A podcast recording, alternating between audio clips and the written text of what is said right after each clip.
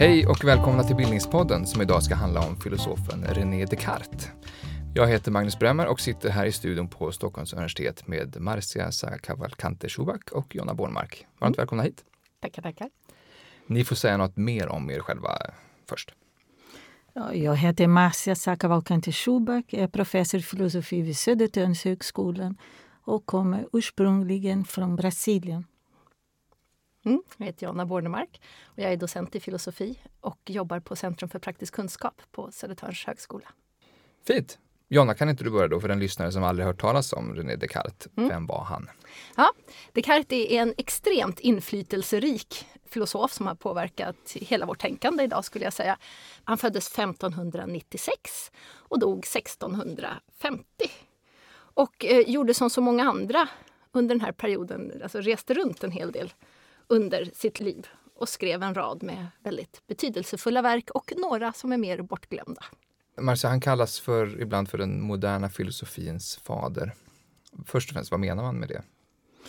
Ja, först måste man definiera vad modern betyder, som är redan i sig en uppgift. Mm. Men om vi följer, det var faktiskt Hegel som sa att Descartes är moderna filosofins fader. Hegel är en tysk 1800-talsfilosof. Absolut. Det var han som präglade den där bilden som mm. vi har. Och det naturligtvis vi alltid glömmer vem som var mor, men det är en annan fråga. Mm.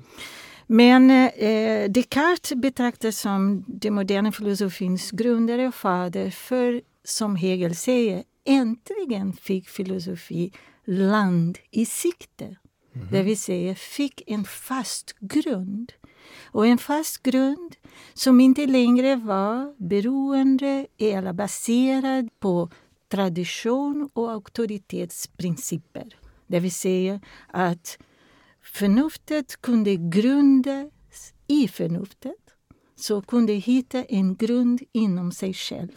Det skulle vara autonom och fri i den bemärkelsen bara i sättet han skriver på så märks det här. Om man läser texter som är skrivna på 1400-talet och 1500-talet så är det en helt annan ton, ett, ett, helt annat sätt att strukturera texten på. Det kan kännas väldigt främmande.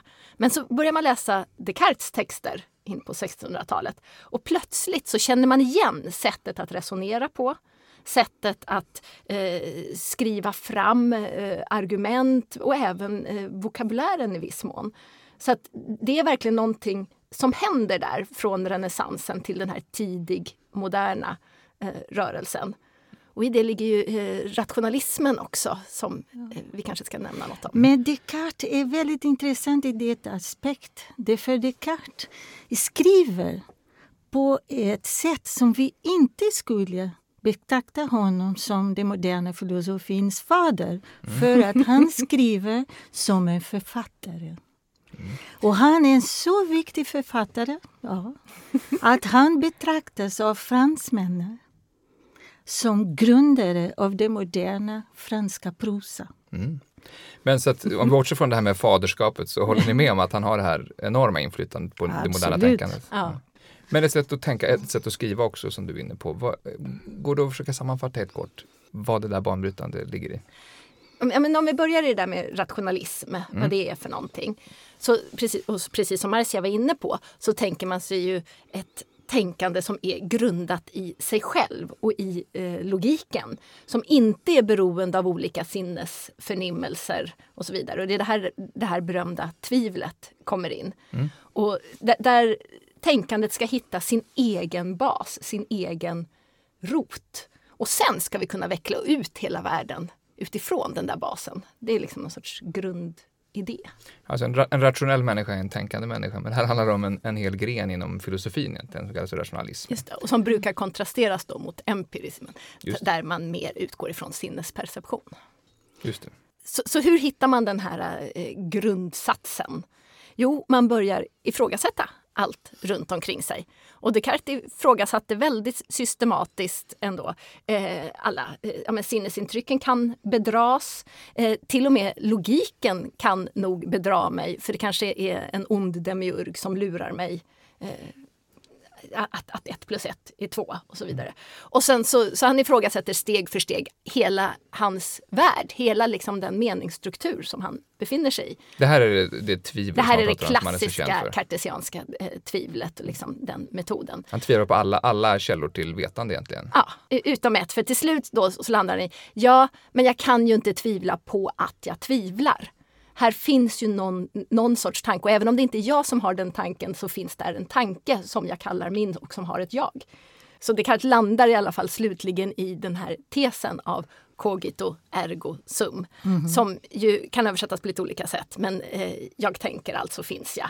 Men det som är viktigt här är, tycker jag, att Descartes tvivlar. Därför han säger jag kan bli... Han, han säger inte det finns falska och sanna påståenden. Naturligtvis finns. Men han vill inte bara hitta ett kriterium för att bli säker på hur ett påstående är sant eller inte. Han vill faktiskt säga jag kan tvivla om allt. Jag kan tvivla om mina sinnen.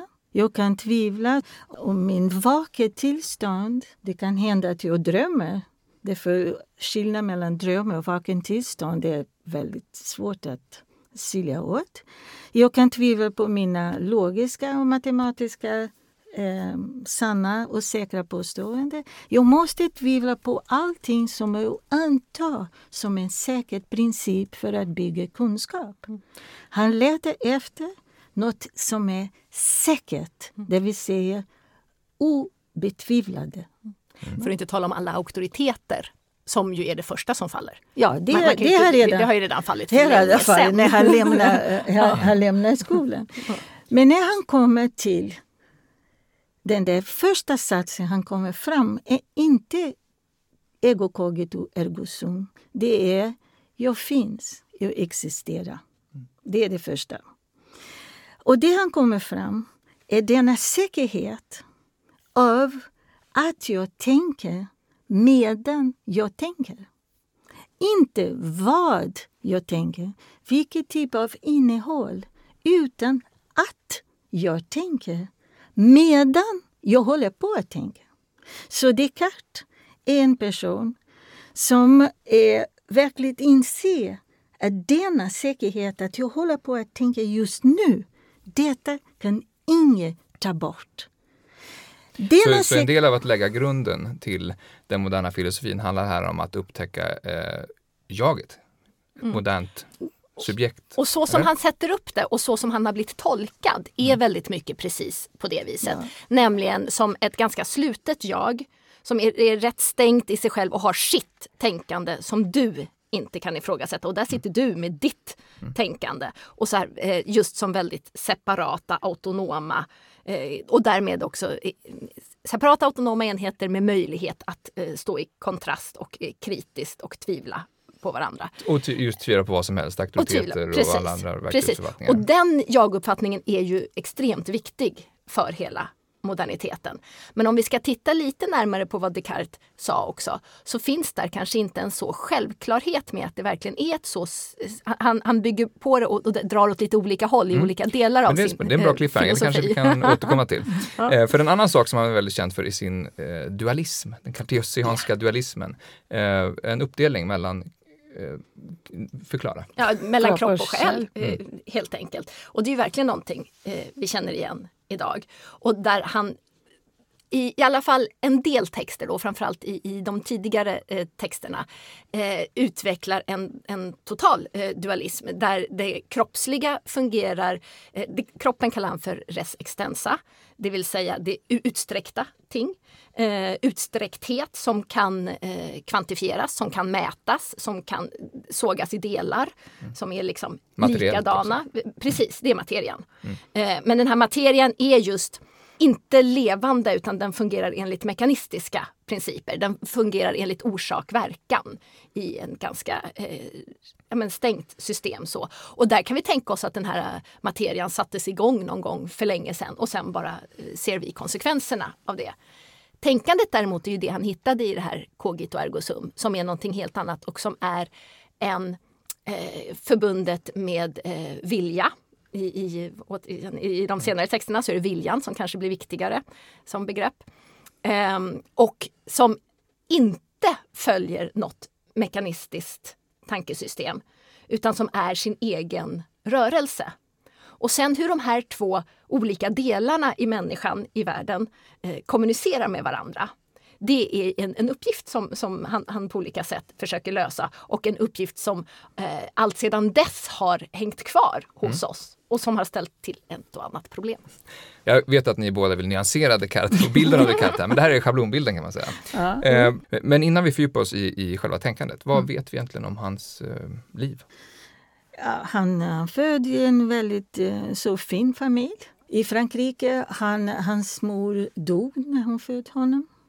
Han hade en väldigt bräcklig hälsa. Hans far var en, en förnäm militär och också parlamentar. Och han ville skicka honom till militär men han, eftersom hans hälsa var så bräcklig så han skickades då till La Flèche, den berömda skolan där de bästa huvudet mm. och intellektuella skulle formas och bildas. Och han reste ganska mycket, men Descartes var en person som han spelade ganska mycket spel i hans liv när han lämnade böckerna och skolan. Men han gillade mest att uh, tänka medan han låg i sin säng, i sin poel, det vill säga alltid varm, med en kamin, varm rum. Han avskydde kylan. Det är viktigt. Han levde många år i Holland. Hur kom det sig att han hamnade i Holland? Han ville ansluta sig när han lämnade akademin. Han anslöt sig till Mauricio de Nassau som var det holländska, hur kan man säga, han hade krigsskolan. Han var den viktigaste personen vad gäller den holländska kolonisationen av till exempel Brasilien. Och Descartes ville åka till Brasilien. Mamma Nassau tillät honom inte. Så det mm. är lite dold historia som mm. inte många vet. Mm.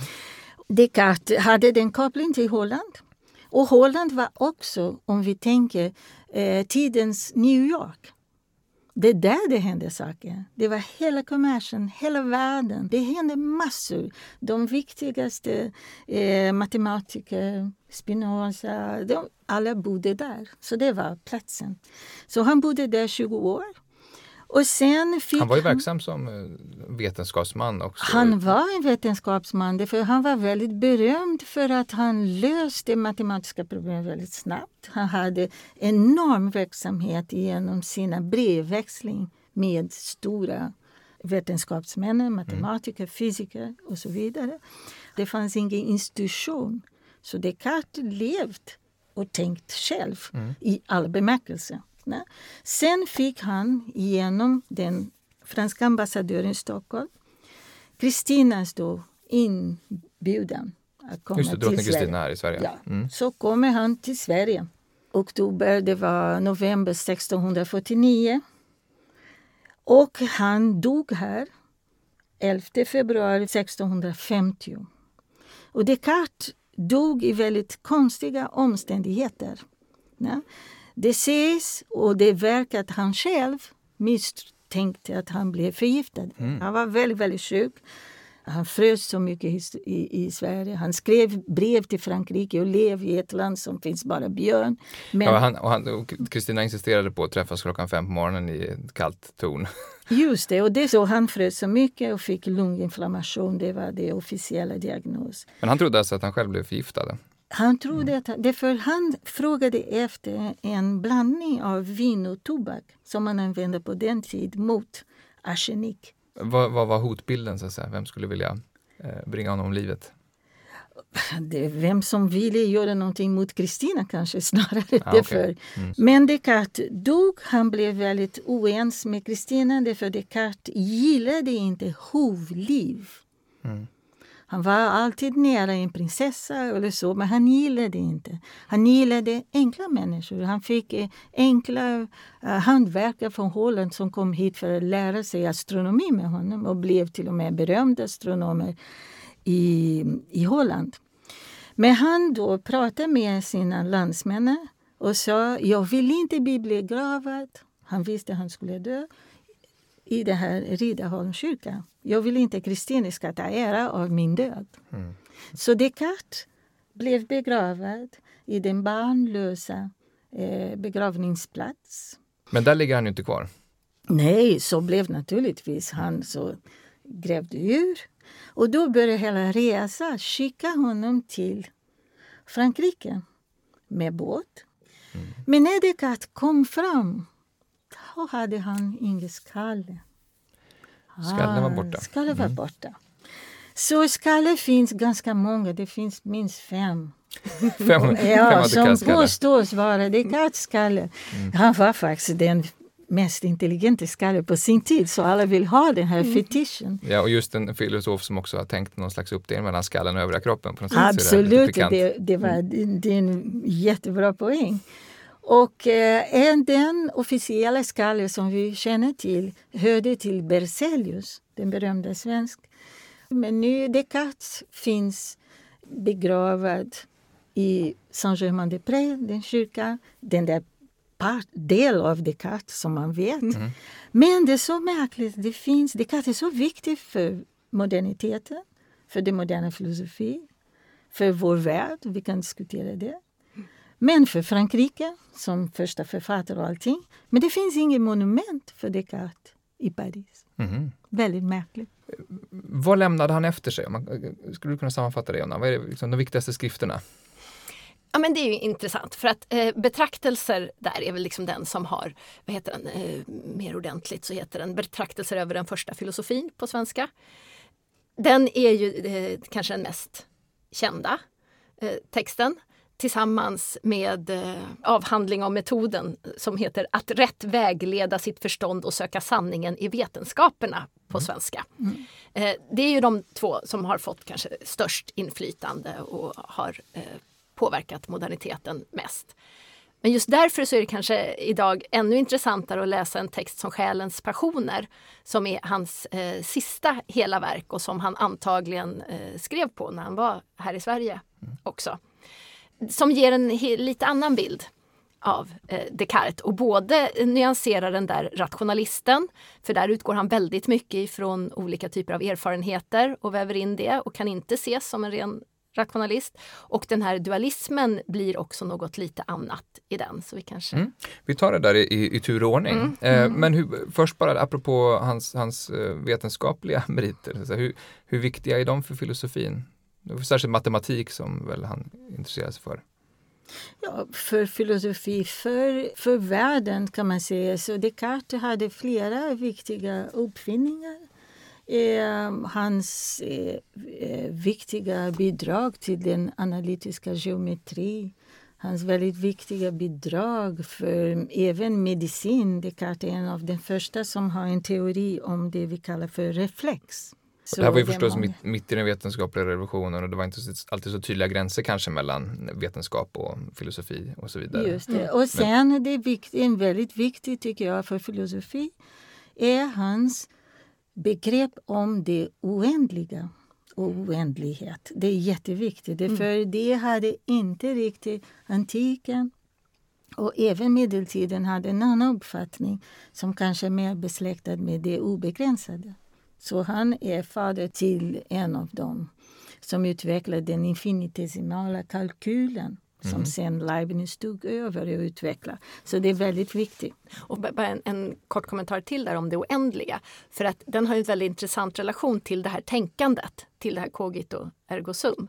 För att eh, det här tänkandet är ju också alltid öppet just för att det också är ändligt alltså, tänkandet kan aldrig fullständigt gripa det oändliga. Världen är liksom alltid större än, än själva tänkandet, men tänkandet är en rörelse som rör sig i relation till det oändliga kanske man skulle kunna mm. säga. Så att eh, i, i, den Han försöker ju skapa system och han försöker liksom ordna allting eh, på ett snyggt begripligt sätt. Eh, men samtidigt så är han väldigt, väldigt väl medveten om att världen som sådan aldrig går att uttömma i ett system. För att han liksom behåller den här oändlighetsidén. Mm. Han har både om att vara, vara obunden så att säga och ha, men ha oändliga, oändliga möjligheter i tänkandet. Ja, ha den rörligheten som oändligheten liksom blir en eh, garant för. Men också så sätter ju det en, en viss ton för, ja men vad är då ett tankesystem? vad kan ett tankesystem greppa? Kan det liksom lägga allt mm. under sig eller inte? Och, och någonstans så, så, så, han vill ju eftersträva en, en, kontroll, i alla fall så dyker det upp eh, i mm. vissa av hans texter. Och, och, att få en känsla av att, ja men vad kan jag då kontrollera? Och att betona det. Och att då, vad kan jag lägga under mig och vilken roll spelar det här oändlighetsbegreppet som mm. jag aldrig riktigt kan uttömma. Men det jo, finns kvar. Att hitta denna känsla av absolut säkerhet att jag har, att jag tänker medan jag tänker.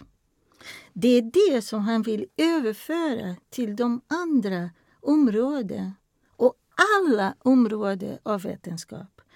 Inte att jag ska härleda mina matematiska, fysiska, kemiska och så vidare kunskap från satsen jag tänker att så jag är. Nej, han vill härleda och hitta en princip av säkerhet som är lika säkert och orubblig som den där att jag får när jag tänker att jag tänker. Mm. 1637 så utkommer alltså med den här eh, Discours de la méthode, eller alltså mm. avhandling om mm, metoden, etc. etc. som Jonas sa alldeles nyss. Här. Mm. Några år senare, 1641, med betraktelser eller meditationerna, meditationer. Mm. Han är i 40-årsåldern. Vad, eh, hur mycket av det ni har beskrivit här nu i hans tänkande är, eh, etableras i de här verken? Mm. Eh, lejonparten eh, mm. skulle jag säga. Det är de här två verken som han är mest känd för. Och det är här han, han genomför det metodiska eh, tvivlet. Och det är här han etablerar sin eh, dualism.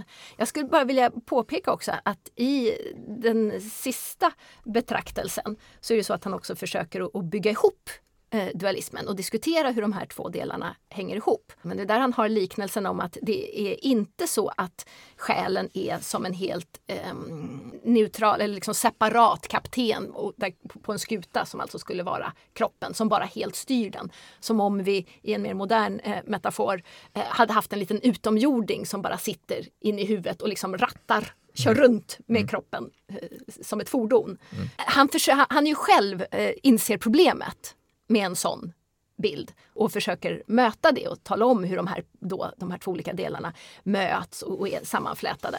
Mm. Men eh, det problemet tycker jag att han kanske inte riktigt eh, kommer jag kan kommer nog inte till rätta med i passioner heller, men det är det som jag tror driver honom till att sen då skriva Själens passioner. Okej, okay. så att du menar redan i det här arbetet så är det mer nyanserat än vad det ofta framställs? Ja. Men den här forskningen har, gör lite olika saker av de här verken?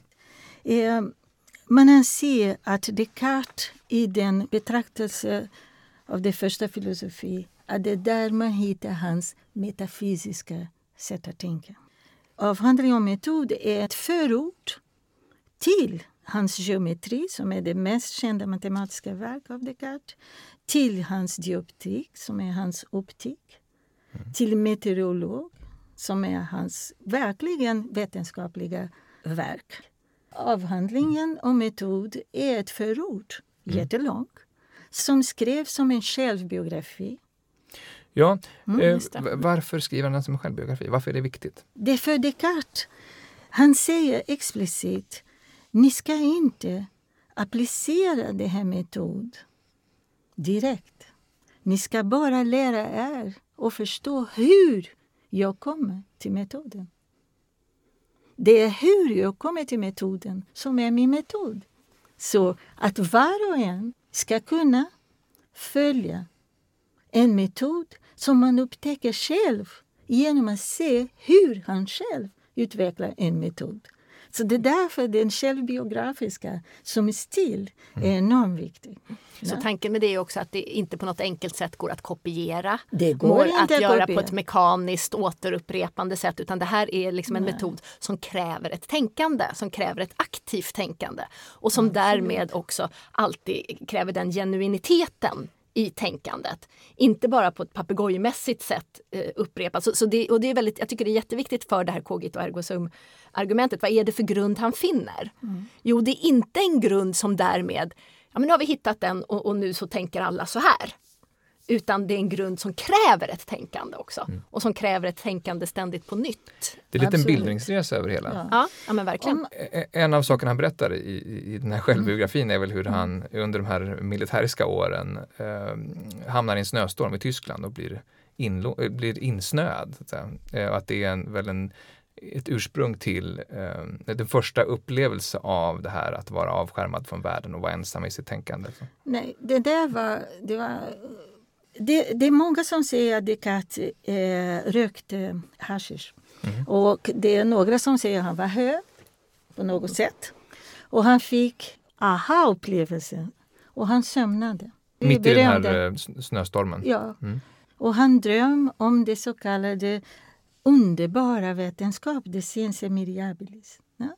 Så det var det som, var, som hände i den där snöstorm 1619. Så det är nästan 20 år eh, före han formulerade det här. Det är, tänkande tar tid. Mm. Ja? Men visst är det så att eh, just drömmen i sig eh, är, är, är viktig för Descartes? Jo, det är väldigt viktigt, men det är viktigt för Descartes i den där ordning av hela tvivelargumentation sker. Det är det som är problem. Det får man säga först, han tvivlar på allting som man kan vara säker på. Det första är jag är säker på när jag känner någonting. Jag är säker att jag känner att det här är hårt att eh, det här är mjuk eller så vidare. Men istället för att argumentera mot de vanliga sinnsvision, jag tror att det är en människa som finns i skogen men det var ett träd. Han säger inte så, han säger ja, tänk att jag inte är här. Det är en väldigt konstigt argument mot sinnena, illusionerna. Tänk att jag är en kung som, som är naken och, eh, och tror att jag har en klädelse på mig. Så han egentligen diskuterar i sinnenas tvivel vad är, innebär skillnaden mellan att vara galen och vara eh, sane. Säger Så det är? Mm. väldigt svårt Nej, att det lik- första. Alltså han jämställer verkligheten med en dröm? I, Ja, med, först är med galenskap. Sen efter det så kommer han att säga plötsligt utan någon förklaring. Nej, men egentligen, jag sover. Mm. Vad har galenskap med sömn att göra? Så diskuterar han, men egentligen är det så, mitt vakentillstånd jag också kan tvivla på. Därför jag kan drömma att jag är vaken. Och allting som händer i min vak- vakentillstånd kan också hända i mina drömmar. Så hur kan jag skilja åt mina drömmar? lita på. Mm. lita på. Men då han beskriver drömmarna som målningar. Och han säger, ja det finns tre olika typer av målningar som jag kan drömma om. Det finns en figurativ, realistisk som härmar precis det jag ser. Jag drömmer om en hund. Om en hund som finns. Eller finns också en fiktionell typ av drömmar. Där jag drömmer med, om en kentaurus som är en blandning av människa och häst. Ja. Men det finns också en dröm med någonting som inte har någon koppling till realitet. Som är en abstrakt bild. Men ändå, det finns en koppling till det verkligheten. Det vi säger det är för mina färger. Han är nästan som en abstrakt målare. Mina färger, mina kontur, de är någonting som jag vet att det finns. Och därifrån går han till att tvivla om matematiska lagar. Så det finns en, en, en linje som vi kan inte separera. Men så den sista tavlan, den är närmast det här rena tänkandet? Ja, det är det närmaste, det första rena tänkandet som är geometri. Mm. Sen efter det så han tvivlar och säger men det kanske finns en gud som vill lura mig och vill tro att jag vet att 5 plus 7 är 12, men det är inte. Sen går han i en fjärde steg till att eh, tvivla på själva metafysiska tankesättet. Det är den där luriga anden som är inte Gud, det är en fjärde. Som man lurar, så man, man kan inte bli säker på sinnena, inte på om man är vaken eller sover. Sen man kan tvivla på sina geometriska, matematiska, vetenskapliga, naturvetenskapliga säkra förståelse och sen kan man tvivla på sina metafysiska övertygelser. Sen blir det enda kvar att jag tvivlar på att jag tvivlar. Det finns en till väldigt viktig verk av Descartes som heter Principia Filosofia. Det är principerna, filosofins princip. För honom är det hans super, superverk. Mm. När kom det? Det kom 1644. Det är efter betaxarna mm. och före passionen. Och eh, till Principia, när den översatt och, och publicerades på franska, han eh, skrev ett brev till översättare. Och i det här brevet, han skriver så här, ja, men det kanske är bra att jag berättar lite grann, du ser hur ni ska läsa mina texter. Och det han säger är väldigt, väldigt intressant. Det är väldigt nära hur Proust beskriver hur man ska läsa en text. Och han säger, du ska läsa först hel. Gå tillbaka och läsa tillbaka med en penna i hand och stryka under de passagerna och se om texten själv kan svara på dina frågor. Men om du fortfarande har frågor, så läs en tredje gång och se om texten svarar till dig. Mm. Om det inte svarar, läs en fjärde gång. så. Tänk själv med andra ord. Ja, absolut. Mm. Och en, det är en punkt. Och en annan punkt är att glömma som jag tycker är viktig för den där skillnaden mellan res cogitans och res extensa. Det var alltså tänkandet mot kroppen? Ja, när vi läser och ser de bilder som Descartes själv beställer för att illustrera sina vetenskapsskrifter. Han vill ha ett öga och inifrån ögat finns en människa som tittar på ögat inifrån. Som tittar in, in mot sig själv? Alltså. Vi tolkar så här, att han vill se seendet. När han vill se seendet och tänka tänkandet. Det spelar ingen roll om världen finns eller inte finns. Jag vill bara, kanske i det här sammanhanget, också eh, lyfta fram hans liksom, starka antropocentrism. Alltså det är ju människan som har tänkandet och det är människan som har kogito. För samtidigt så är den utsträckta världen sträcker också ut sig till något sånt som eh, djuren. Så i brev har han också beskrivit hur jag, bara eh, vill nyansera, det, blir så lätt en, en liksom, eh, ren eh, hyllning. Men det här kanske är ett av de mer eh, problematiska sidorna hos honom som är viktig för att den liksom har genklang genom hela historien sen. Och det är att ett, ett djur är, har ju just inte ett cogito. Den har inte ett tänkande utan den är bara res extensa. Den är alltså bara en mekanism. Um, och, och Lili Alanen, en Descartes-forskare, hon, hon undersökte, hon ville kanske liksom försöka nyansera det här. Och då hittade hon också eh, vissa brev där det beskrivs hur eh, någon eh, sågar i en hund och då uppstår det vissa ljud. Hunden skriker. Men då beskrivs det mest som liksom en mekanism, ungefär som om man sågar ett bord så gnisslar det också. Mm. Så att det finns en, en väldigt brutal syn på livet som är ett väldigt medvetet självreflekterande, en viss sorts tänkande. Mm. Som är specifikt mänskligt. Som är specifikt mänskligt. Mm. Det är en sak. Sen, innebörden av Descartes gest är naturligtvis att centrera universum hos människan. Mm. Ja? Och Descartes var faktiskt en mekanicist, en mekanist. Samtidigt som han betraktade djuret som en maskin som var på sin tid. Han hade till och med, han gillade att kolla på dissekation av djur. Han hade ett, en, en dotter som dog, Francine, ne? av en olegitim förhållande i Holland. Och han var väldigt besatt av att förstå vad det innebär när själen lämnar en kropp. Döden. Det är samma, samma beskrivning, om man kan säga samma koncern av Ibn Tufail. Det är en arab filosof från 1200-talet han levde första Tarzan. Ne? Blir född och eh, kan man säga, lever bara bland djur.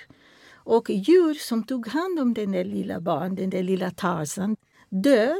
Och vad gör han? Han öppnar kroppen för att se vad tog, vi, vad tog själen väg? Descartes mm. hade det, det här synen väldigt nära och i samband, om man vill psykologisera honom, med hans dotters död. Mm. Det ser man. Ja? Ni talar både om, mm. eh, när ni nyanserar den här kropps och själ-dualismen, mm. du talar om en distinktion snarare än en separation. Du har liknat det vid två mm. sidor av samma mynt. Mm. Mm. Eh. Så som de beskrivs i, i, om vi nu rör oss mot själens passioner. Ja, det här verkar från 1649. Så, precis, mm. där han ju då är intresserad av passionerna. Och här är, är alltså, ja men vi kan förenkla och prata om, om känslor. Mm. Till exempel. Det är mycket mer och det är ett begrepp som betyder lite olika i lite olika sammanhang. Men om vi nöjer oss med att prata om känslor. Eh, så beskriver han det dels på ett väldigt eh, neurofysiologiskt sätt. Han pratar om animerade andar som är ett begrepp han hämtar upp ifrån medeltiden. Men det betyder egentligen, ja, men det är väldigt lätt att översätta till, till elektriska impulser som går genom nervsystemet. Mm. Och, och den sidan av vad en känsla är. Men sen så beskriver han ju då samtidigt hur eh, det här är någonting som själen utsätts för. Alltså en, en känsla är någonting som jag just inte bestämmer mig för utan någonting som kommer till mig. Passion betyder ju just eh, passio, det, det, är samma ord som i, i passiv. Mm. Eh, det är någonting som, som liksom kastar sig över mig. Men det är någonting som just därför också öppnar en eh, värld av eh, betydelser. Så, så att eh, känslorna har de här två sidorna, att de är helt grundläggande för själen. Eh, och i det här senaste verket så är det inte så mycket tvivel och det liksom rent eh, filosofiska om man tänker sig ett liksom rationellt tänkande som står i centrum. Utan det är ett mycket bredare själsliv som just tar emot alla de här känslorna som ju också då har den här kroppsliga sidan. Mm. Och det beskriver han lite som två sidor av ett mynt och som därmed så är det passionerna som hela tiden binder samman kroppen för att det finns som elektriska impulser. Idag skulle vi kanske prata om hormoner eller om mm. ja, massa saker. Men eh, en sak som man kan tänka är att man, man kanske överdriver en dualism av Descartes för att sedan lösa den här dualismen inom Descartes själv. Det är det som man kan säga att forskning har gjort. Mm. Därför när man läser, Descartes skrev brev hela sitt liv och en väldigt viktig del av sitt verk finns inte någon av de där böckerna som publiceras utan i hans brev. Mm. Väldigt viktiga naturvetenskapliga eh, resonemang, viktiga filosofiska resonemang och framförallt viktiga diskussioner om känslor, mycket inom persons, mm. själens person. Och han skrev sina brev till framförallt tillägnat en prinsessa, Elisabeth från Böhm som då flydde från Böhm, eh, idag skulle vara en sorts Tjeckien, till Holland. Och där skriver han till exempel 1641 två brev om kärlek som i min betraktelse är otroligt mycket mer revolutionerande än Källarnas passion. Därför mm. Källarnas passion är intressant. Därför han skiljer sig från sina tidigare traditioner att tala om passionen som moraliska, etiska. Man vill kontrollera passionen genom att moralisera dem. I passionen, Källarnas passion, han vill koppla passion till kunskap. Passionen mm. leder till kunskap. Mm. Eh, men en sak som är intressant i precis de breven är att Descartes hela tiden försöker och, och Brev för, om kärlek? Nej, ja, jag vet inte om det är precis ja. i dem, men, men, i breven till Elisabet, den mm. Elisabeth av Böhmen, mm. eh, så är det Elisabet som är den starkaste kartesianen. Han är mm. mycket mer, hon är mycket mer kartesian än vad Descartes är. Vad menar du då? Eh, jag menar att Descartes försöker på olika sätt nyansera den här dualismen och just inte dra den för hårt och mm. inte göra dem för separata. Medan Elisabeth inte alltid är med på det. Och Elisabeth eh, uppfattar det och, och, driver vidare en mycket tydligare och liksom starkare dualism. Det är därför jag vill separera en diskussion om Descartes från en, en om kartesianism. Mm. För det, jag, jag, tycker att precis där någonstans finns just början på den här kartesianismen som tar delar av hos Descartes och, och gör dem mycket starkare och mycket förenklat. och Men så att liksom han är, han, är, han är nyanserad egentligen hela vägen fram på sätt och vis. Men det är själens passioner som det händer någonting Jag tycker det. Eh, Marcia kan få gärna Jag tycker tycka det någonting händer- annat. längs vägen. Ja. Mycket innan skriver Descartes i ett brev. Men naturligtvis så kropp och själ hänger ihop. Ja. Han säger det, det är självklart. Men man måste tänka, Och det den här, det här är naturligtvis ett tankeexperiment för en konstruktion av filosofi. Men vad är det du fascineras av om just det här verket Själens passioner? Jo, för att eh, där är ju liksom eh, just, just känslornas roll eh, får en som liksom enormt stark betydelse. Han säger all njutning i världen är liksom, hänger ihop med passionerna. Eh, och eh, den första känslan, eller den första passionen, är förundran. Eh, och där kan vi tänka oss att, att någonting eh, dyker upp, någonting nytt. Och människans liksom reaktion på det nya är Oj, shit, vad, är det här för någonting? Spännande! Åh, eh, någon sorts liksom öppenhet, någon sorts eh, vilja att eh, undersöka det men också någon sorts eh, dragning, attraktion som, som det här har. Mm. Och sen så beskriver han hur eh, kärlek och hat eh, kommer ur den här första förundran. Som att, är det här någonting som är bra för mig? Eller är det någonting jag ska hålla mig på avstånd ifrån? Mhm, Så först en, en neutral känsla kan man säga. Ja, eller en attraktion. Den är ju inte neutral i bemärkelsen en helt liksom passiv... Inte likgiltig eh, inte likgiltig Det- på något sätt utan det, det, det finns en, en fascination, en liksom förundran. Just. Men den är inte bestämd riktigt. Den är inte bestämd än. Och sen så, men, men han beskriver också i Själens passioner hur, hur den här förundran är ett, ett lite lurigt tillstånd. Man ska inte stanna kvar där för länge. Och, man, och, och då finns det ju filosofer innan honom som har beskrivit just den platsen. Eh, ja, men som närmast Gud till exempel, just när vi inte riktigt vet och, och, så, som gör väldigt mycket av den platsen.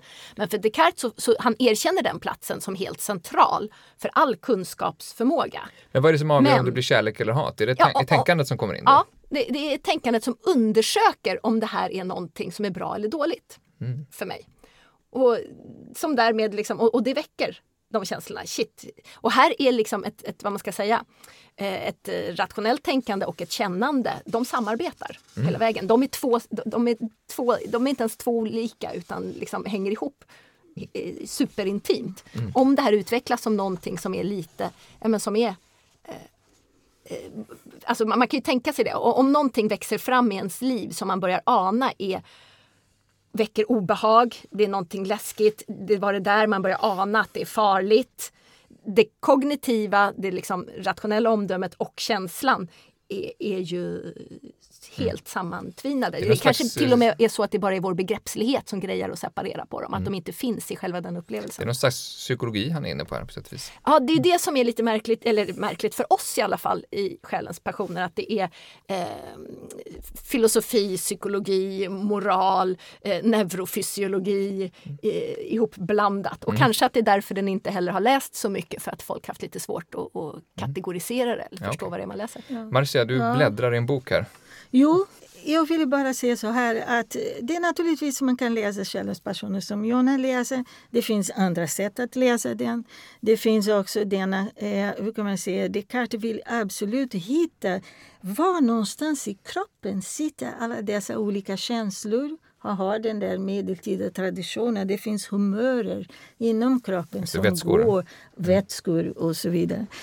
Det finns detta, men det finns också hur förundran är den filosofiska känslan par excellence. Det var så här som Platon definierade filosofi, så det är inte något nytt. Descartes i betraktelse, i tredje betraktelse, han säger jag är tänkande ting, ett väsen som tvivlar, som bejakar, som förnekar, som förstår ett annat, som är okunnig om mycket, som vill, som inte vill, som har föreställning och förnimmelse. Det är en översättning från den latinska versionen. Han kollade och hjälpte till att översätta till franska. I den franska versionen han lägger till jag älskar, jag, tänk, jag tänker det ting, det får jag älska, det får jag hata, det får jag ha alla dessa känslor. Så han vet att en tanke är allt detta.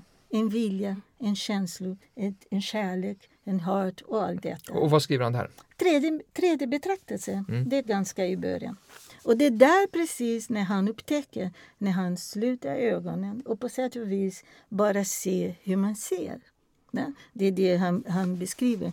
Och jag tycker det som är intressant är de flesta som läser Descartes nu som en vetenskapsman vill helst läsa källornas passioner som en bekräftelse på att vi kan hitta i generna det etiska. Det etiska gener. En väldigt farlig tanke. Mm. Varför Så, då? Väldigt farlig tanke. Det, för det betyder att vi kan också manipulera. Vi kan också ta bort, vi rättar till en gen.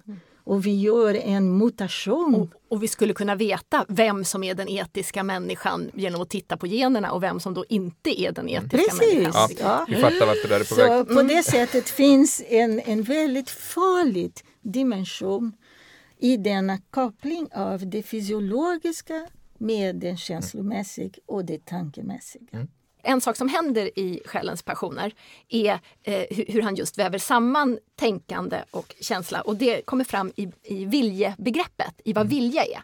För vi tänker oss ju att vilja är någonting som kan, kan höra till ett väldigt rationellt eh, tänkande. Men här påpekar ju han också att viljan har ju alltid en, en den är också alltid en passion. Den kommer alltid någonstans ifrån som jag inte själv helt har kontroll över. För att eh, okej, okay, jag vill det här. Men var, att jag vill den viljan, eller att jag vill, att jag vill den viljan. Hur, hur långt bak kan man dra det där? Någonstans är det ju inte jag som bestämmer viljan. Mm. Alltså det, det där är annars något man brukar ställa mot uh, empirismen, väl, att mm. Descartes fria vilja var... Just det, precis. Men den här fria viljan är också en, en eh, passion. Och, eh, så, så där finns också någon sorts jag har kallat det för paktivitet. En rörelse där vi inte måste separera det passiva, där vi bara tar emot någonting eller bara är offer för någonting. Eller det aktiva, där vi är det här autonoma, starka jaget som vet vad den vill och har en totalt fri vilja. Utan en rörelse från det här mottagandet som passionerna ger till att vilja ordna, organisera, styra upp mm. ett liv på bästa eh, möjliga sätt. Det tycker jag är liksom ett intressant drag i, i eh, hans etik där. Tiden går snabbt. Om vi ska bara dra några linjer framåt. Eh, den här eh, tanken om att han skulle vara grundläggande för upplysningstiden, det rationella tänkandet som är där, den, den, myndiga, den myndiga subjektet som tänker själv. Stämmer det? Är han så avgörande för det? Ja, han är. Och det, det var faktiskt hur Kant till exempel har utvecklat den kartesianska arv. Men däremot... Just det, Immanuel Kant, en tysk ja, filosof. Mm. Ja. Det hade inte varit tänkbart utan Descartes uh, Just det, utan den. Mm. Men det som är viktigt att förstå, det ligger någonting väldigt, lite farligt. Att vi tror för mycket i den där autonomi som Descartes har öppnat för. Det vill säga, jag tänker, jag tänker själv och jag är autonom. Autonom det betyder jag är individ och jag är också isolerad. Och det är det som är så farligt. Är att, att eh, kan man säga, det behö vi behöver upptäcka att tänkande är alltid ett tänkande tillsammans. Utan att vara som de andra men i relation med de andra. Mm. Så det här är det som vi måste tänka om vad denna subjekt som tänker och som definierar sig själv som ett autonom att vi måste revidera denna idé alltså idag. Om, idag, mm. om idag. tänkandes autonomi. Ja. Går det att sammanfatta vad, vad, vad man tog fasta på och gick vidare med i filosofihistorien? Det dyker upp, den här kartesianismen dyker upp i hur vi organiserar vårt samhälle. Eh, många, man kan beskriva till exempel om man går in på ett sjukhus så är det, ja men då går själen till höger och kroppen till vänster och har man tur så, så, så möts de när man går ut igen. Den här liksom uppdelningen av människan i olika delar eh, som man uppfattar som väldigt separata vilket gör att just det psykosomatiska är det vi alltid har svårast att begripa oss på och så vidare. Mm.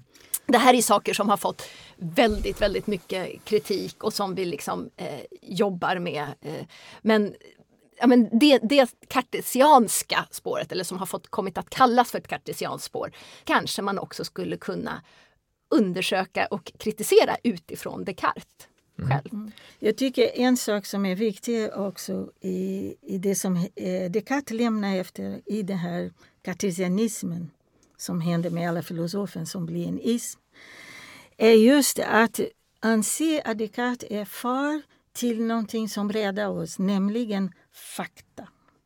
Han är den som med sin rationalism kan lägga grund för en värld som vi kan kontrollera, som vi kan stå och ha fakta mot tolkning.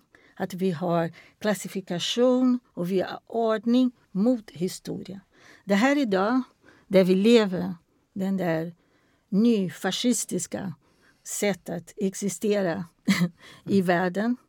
Där man pratar om uh, fake truth, fake news, fake fakta. Så vill, det finns en del eh, tänkare och filosofer som tänker bara Descartes, den hyperhårda rationalistiska Descartes, kan rädda oss.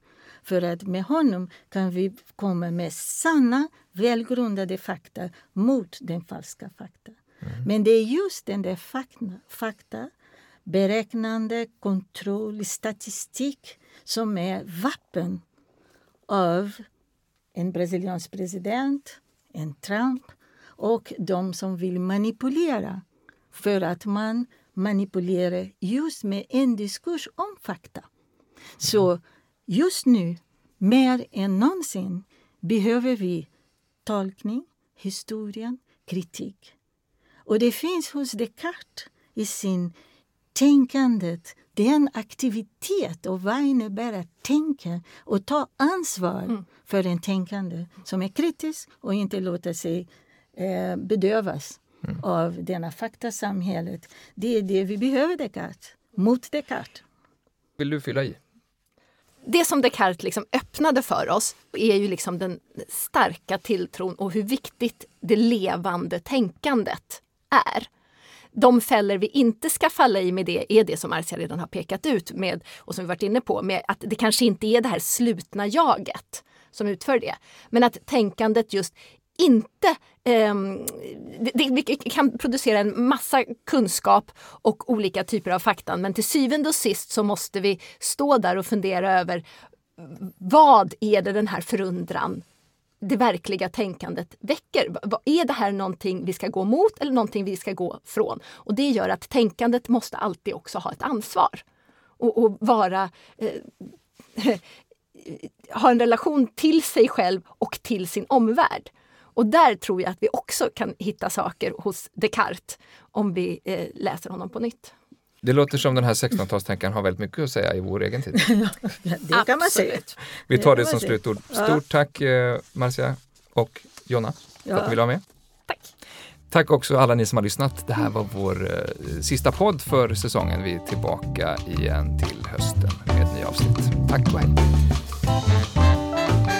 Du har lyssnat på Bildningspodden, en del av bildningsmagasinet Anekdot. Podden spelas in på Språkstudion och ljudproducent är Kristin Eriksdotter Nordgren. Fler poddar, filmer och essäer hittar du på anekdot.se.